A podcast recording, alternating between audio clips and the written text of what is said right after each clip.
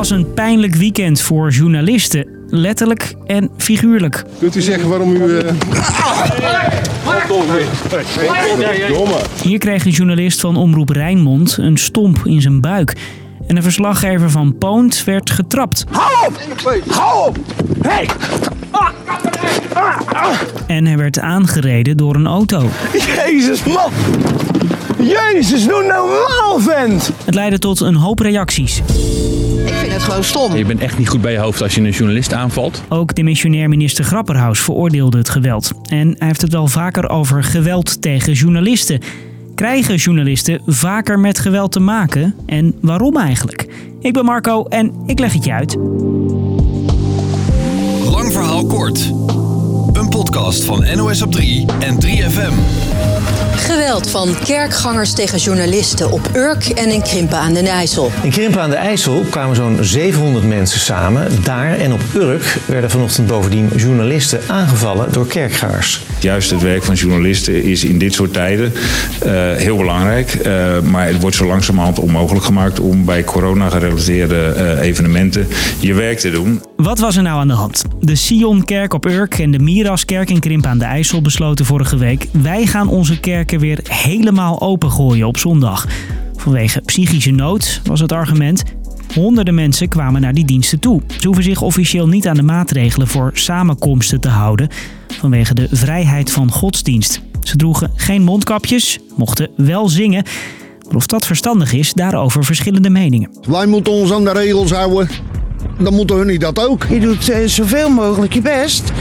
Maar als je dit dan allemaal ziet, dan denk ik, waar doe je het eigenlijk voor? Ze hebben zo'n bord voor de kop, wat een heel servies. Overal kan je ziek worden. Uh, in de supermarkt, overal. En ik zeg niet dat het in de kerk beslist niet kan, maar wij hebben gelukkig een hele goede God die uh, afgelopen jaar heel goed voor onze gemeente gezorgd heeft. Omdat het besluit van de kerken controversieel was, wilden journalisten de kerkgangers interviewen over het schrappen van de coronaregels. Maar ze werden dus geschopt, bedreigd en geslagen. Op beide plekken werd een persoon opgepakt. De gebeurtenissen van afgelopen weekend zijn geen uitzondering. In mei 2017 deden oud-ombudsman Alex Brenningmeijer en criminoloog Marjolein Odekerke onderzoek onder ruim 600 journalisten. De conclusie: Nederlandse journalisten worden steeds vaker bedreigd.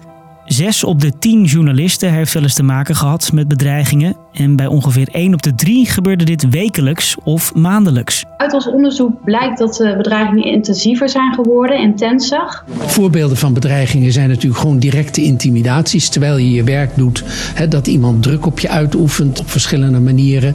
Het kan ook zijn dat je via sociale media belaagd wordt. Bedreigingen via Facebook, Twitter enzovoort. Het gebeurt best veel. Volgens de onderzoekers gaat een kwart van de bedreigingen via social media.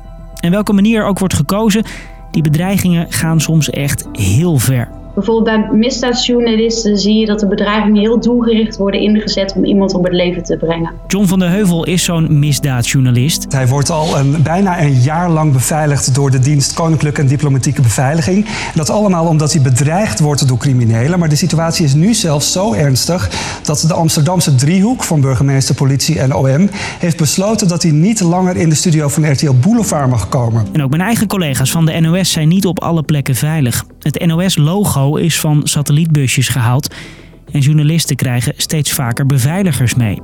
Ook verslaggever Edwin van den Berg. Dat gebeurt bij grote uh, maatschappelijke uh, acties waar veel mensen op de been zijn. Nou, dat gebeurt de laatste tijd natuurlijk veel. Demonstraties, protesten, viruswaanzin, vandaag de boeren. Het probleem is zo groot dat er steeds meer aandacht voor is. Het Openbaar Ministerie hanteert sinds 2019 een verdubbelde strafeis voor mensen die agressief en gewelddadig zijn tegen journalisten. En ook kunnen journalisten sinds 2019 incidenten melden op een speciale site.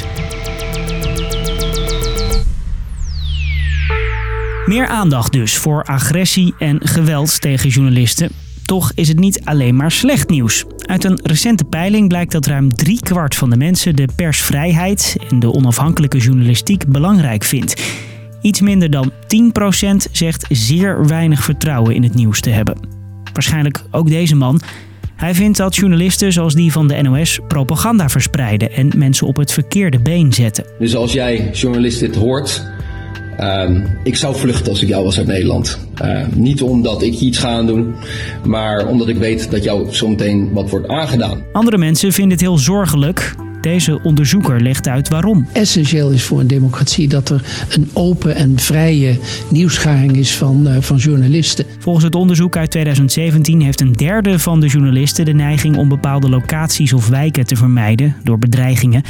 En soms worden zelfs onderwerpen geskipt. Zelfcensuur heet dat. Met als gevolg dat je niet het hele plaatje krijgt van wat er aan de hand is in de wereld. Dus, lang verhaal kort, journalisten kunnen lang niet altijd veilig hun werk doen, zoals afgelopen weekend duidelijk werd op Urk en in Krimp aan de IJssel. Past in een trend die in 2017 duidelijk werd in een onderzoek. Journalisten worden steeds vaker bedreigd. Sommige mensen zijn het bijvoorbeeld niet eens met hoe journalisten hun werk doen. En bedreigingen tegen journalisten leiden mogelijk tot zelfcensuur. En dat was hem weer voor nu. Vergeet niet achter te laten wat je van onze podcast vindt. Dat kan in je podcast-app. En morgen dan staat er weer een nieuwe lang verhaal kort voor je klaar. Dank voor het luisteren.